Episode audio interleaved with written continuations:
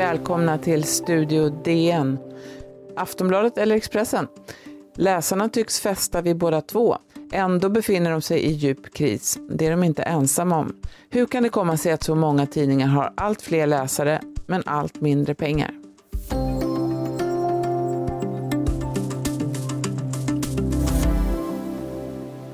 Ja, Aftonbladet når 5,6 miljoner läsare i veckan. Expressen nästan lika många enligt Orvesto.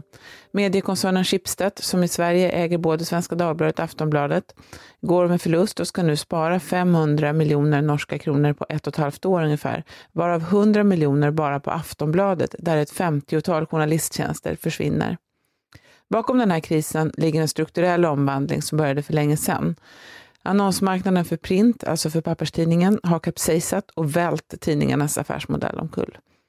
När det gäller det journalistiska är läget däremot ett helt annat. Aftonbladet slår rekord efter rekord och når allt fler, säger Lena K Samuelsson som är publisher där. Det här räcker inte för att kompensera för en väldigt utmanande annonsmarknad. Just nu så är den ju oerhört hårt påverkad av covid-19. Men sedan tidigare så har vi också en situation där amerikanska giganter som Facebook och Google tar en väldigt stor andel av den digitala tillväxten. Martin Jönsson, du är digital utvecklingschef på DN. Hej och skriver om medier. Hej Sanna.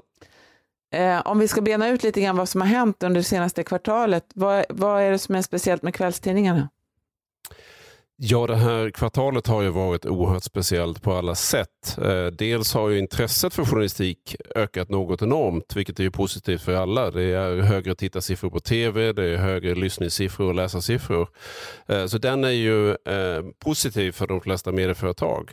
Sedan är det andra att det har blivit väldigt mycket svårare att göra journalistik naturligtvis när det är folk jobbar hemifrån och det är olika varianter av lockdown i världen som gör att man inte lika lätt kan komma ut och bedriva journalistiken. Eh, och det tredje är ju att då annonsintäkterna har eh, försvunnit väldigt snabbt och påskyndat den redan strukturella krisen. Och Eh, för kvällstidningarna har nog det här varit extra kännbart eftersom de redan befann sig i ett, ett ganska utsatt läge. Eh, deras situation blev också värre nu genom att många av deras trogna läsare är 70 plus. Eh, de har en väldigt eh, hög åldersprofil på sin, sin eh, papperstidningsläsekrets. Och de kommer inte längre till affären på samma sätt. Vilket gör att de ser en drastisk minskning av, av den försäljningen. Eh, sen har vi också andra faktorer som har spelat in just för, för kvällstidningsbranschen med mycket spelannonsering till exempel eh, reseannonsering, all typ av annonsering som på något sätt är kopplad till aktiviteter har ju försvunnit under den här krisen och eh, spelannonseringen är utsatt för en hårdare reglering vilket gör att den har har eh, fallit väldigt hårt. Så att eh, sammantaget gör det här att, att krisen blev värre just för kvällstidningarna. Du skriver ju väldigt eh, träffande och intressant tycker jag att eh, Aftonbladet liksom är, går med förlust men trots att de är marknadsledande och eh, jättestora. Liksom, att det eh, ens är möjligt, att pengarna inte egentligen har med läsandet att göra? Nej, det där går egentligen tillbaka till, till eh, hur affärsmodellerna historiskt har sett ut för alla medieföretag så har det ju handlat om att under väldigt många, många decennier har det handlat om att vara störst på sin marknad.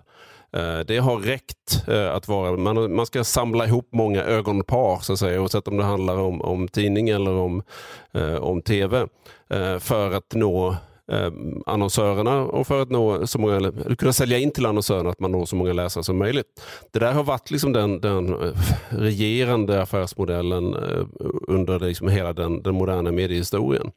Eh, sedan när digitaliseringen slog till så, så försvann den där eh, omedelbara fördelen att vara störst inom sitt område när det blev mer globalt och mer nationellt. Så att eh, även om en lokaltidning kunde vara stor på sitt område så hade Facebook ännu fler läsare i det området och kanske kvällstidningen också fler läsare i det området. Så då, då försvann den här liksom storleksfördelen och då kan man inte längre bara tjäna pengar på räckvidd eh, och därför så har väldigt mycket av den annonsmarknaden flyttat över till till eh, de globala jättarna. Man brukar säga för dagstidningsbranschen, så har det, eller de eh, medier som sysslar med samhällsjournalistik, så har det försvunnit ungefär 600-700 miljoner kronor om året eh, de senaste tio åren. Så att marknaden, mediemarknaden har väl minskat annonseringen från ja, 12 till 6 miljarder sedan 2008. Så det är otroligt mycket pengar som har försvunnit. Eh, du, du, skriver också om att det, det, det, du säger också är ju att kvällstidningarna har ju varit väldigt beroende av lösnummerförsäljningen och eh, morgontidningarna har ju eh, en annan liten annan finansiering där man också har eh, nu skyfflat över en större del av kostnaderna på, på, eh, till prenumeranterna som får betala för eh, den tidning vi gör. Eh, för DN till exempel här så har det ju gått ganska bra nu under coronakrisen. Var, varför gör det det? Ja, prenumeranterna har alltid betalat för, för tidningen, eh, även på papperstidningen. Den stora skillnaden handlar egentligen om eh, marginalkostnader och marginalintäkter om vi ska bli lite ekonomiska. Att, eh, om du får en ny digital prenumerant eh, så är det en intäkt men det är ingen extra kostnad. Eh, men om du får en ny papperstidningsprenumerant så har du en kostnad med tryck och distribution som äter upp väldigt mycket av, av den, den intäkten. Så om du kan koppla över till att ha fler digitala prenumeranter så är det ju en, en mycket bättre lönsamhet i det. Mm. Eh, och när det gäller kvällstidningarna så har de ju en låg andel av deras intäkter som är, är prenumererade. De är väldigt, väldigt beroende av volym.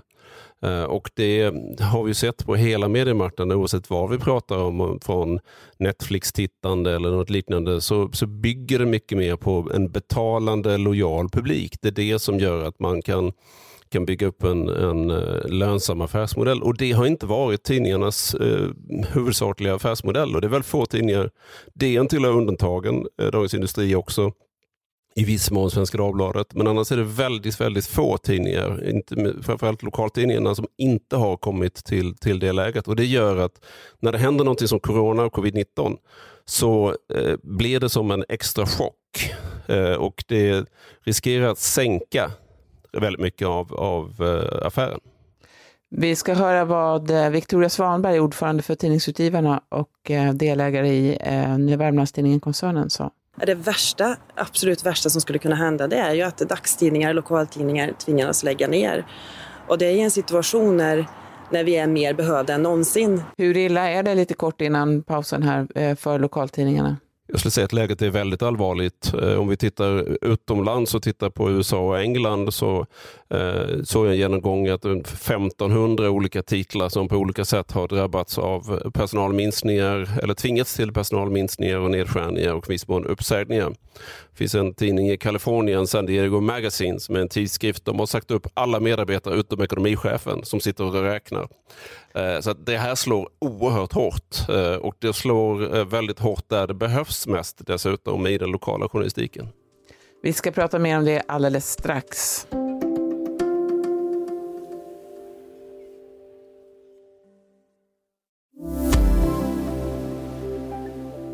Därför så krävs det särskilda insatser för att stärka nyhetsmediernas förutsättningar att hantera de kraftigt minskade annonsintäkterna och samtidigt också säkra allmänhetens tillgång till kvalitativ journalistik i hela landet, både på kort och lång sikt. Så regeringen, Centerpartiet och Liberalerna föreslår nu ytterligare en halv miljard kronor till landets medier i år. Stödet ska gå till allmänna nyhetsmedier. Det där var kulturminister Amanda Lind som eh, berättade om satsningar på eh, medier mediejournalistik eh, med 500 miljoner kronor. Hur kommer de här pengarna att användas? Fylla eh, hål eh, likviditetsmässigt, men det kommer naturligtvis inte att räcka det, det, är inte i närheten av att räcka med de problemen. Om vi säger att I en vanlig situation så försvinner det 600-700 miljoner om året från bara tidningsmarknaden. Och här pratar vi om ett stöd på 500 miljoner till alla medieföretag, alltså även Eh, TV, radio, kommersiell radio blöder i det här läget, har också tappat väldigt mycket av, av, sin annonsering. Så att det här är ju inte på något sätt tillräckligt utan det kommer möjligen, möjligen kommer det göra att vissa företag eh, klarar sig från att, att akut gå under av likviditetsproblem. Därför vi har generellt sett har vi en väldigt eh, så att säga, Eh, konjunktur och strukturkänslig mediemarknad där de flesta redan kör på fälgen eh, resursmässigt. Och det, när det då kommer en extra chock in i systemet så kan det vara det som, som sänker eh, verksamheten. Vi kommer att få se en utslagning av lokaltidningar, ja.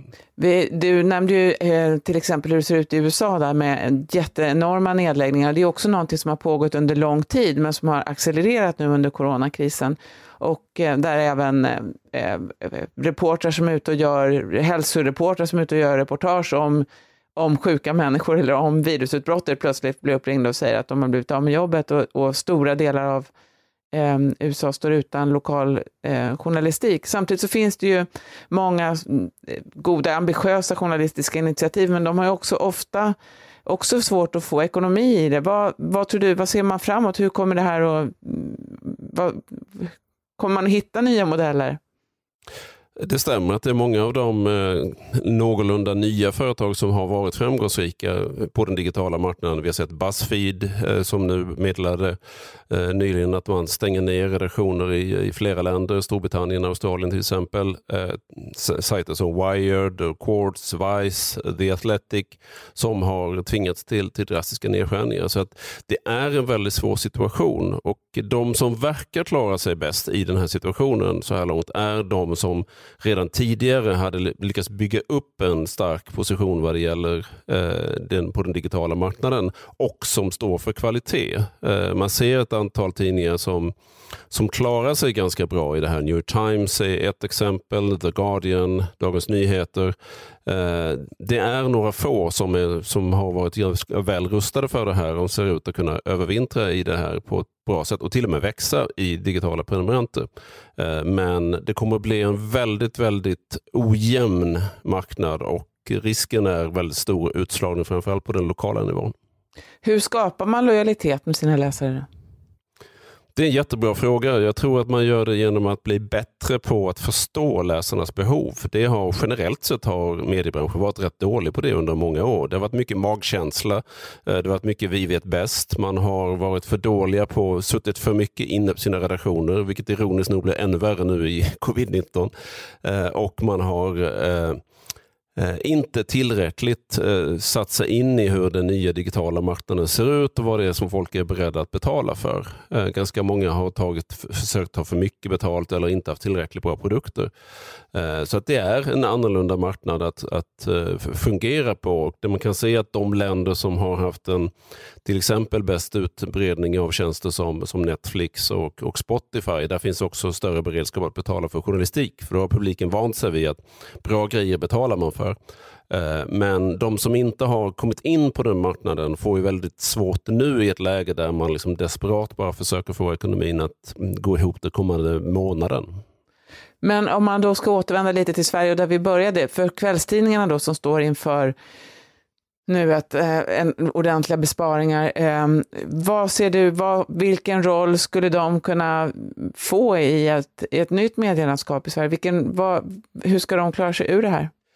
Det är en väldigt stor utmaning därför att de har alltid varit väldigt bra på nyhetsläget. Det som händer just nu och på vissa nischer som, som sport och eh, underhållning. Sporten eh, blöder ju hårt nu när det inte arrangeras någon, någon sport.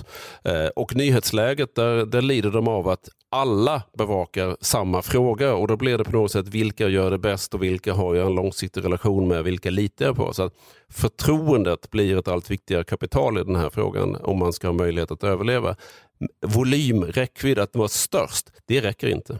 Tusen tack Martin. Tack själv. För ljudillustrationerna stod TT och SVT. Studio DN görs av producent Sabina Marmelakai, exekutiv producent Augustin Erba, ljudtekniker Patrik Miesenberger, teknik Jonas Lindskov Bauer Media. Jag heter Sanna Thorén Björling. Vi hörs.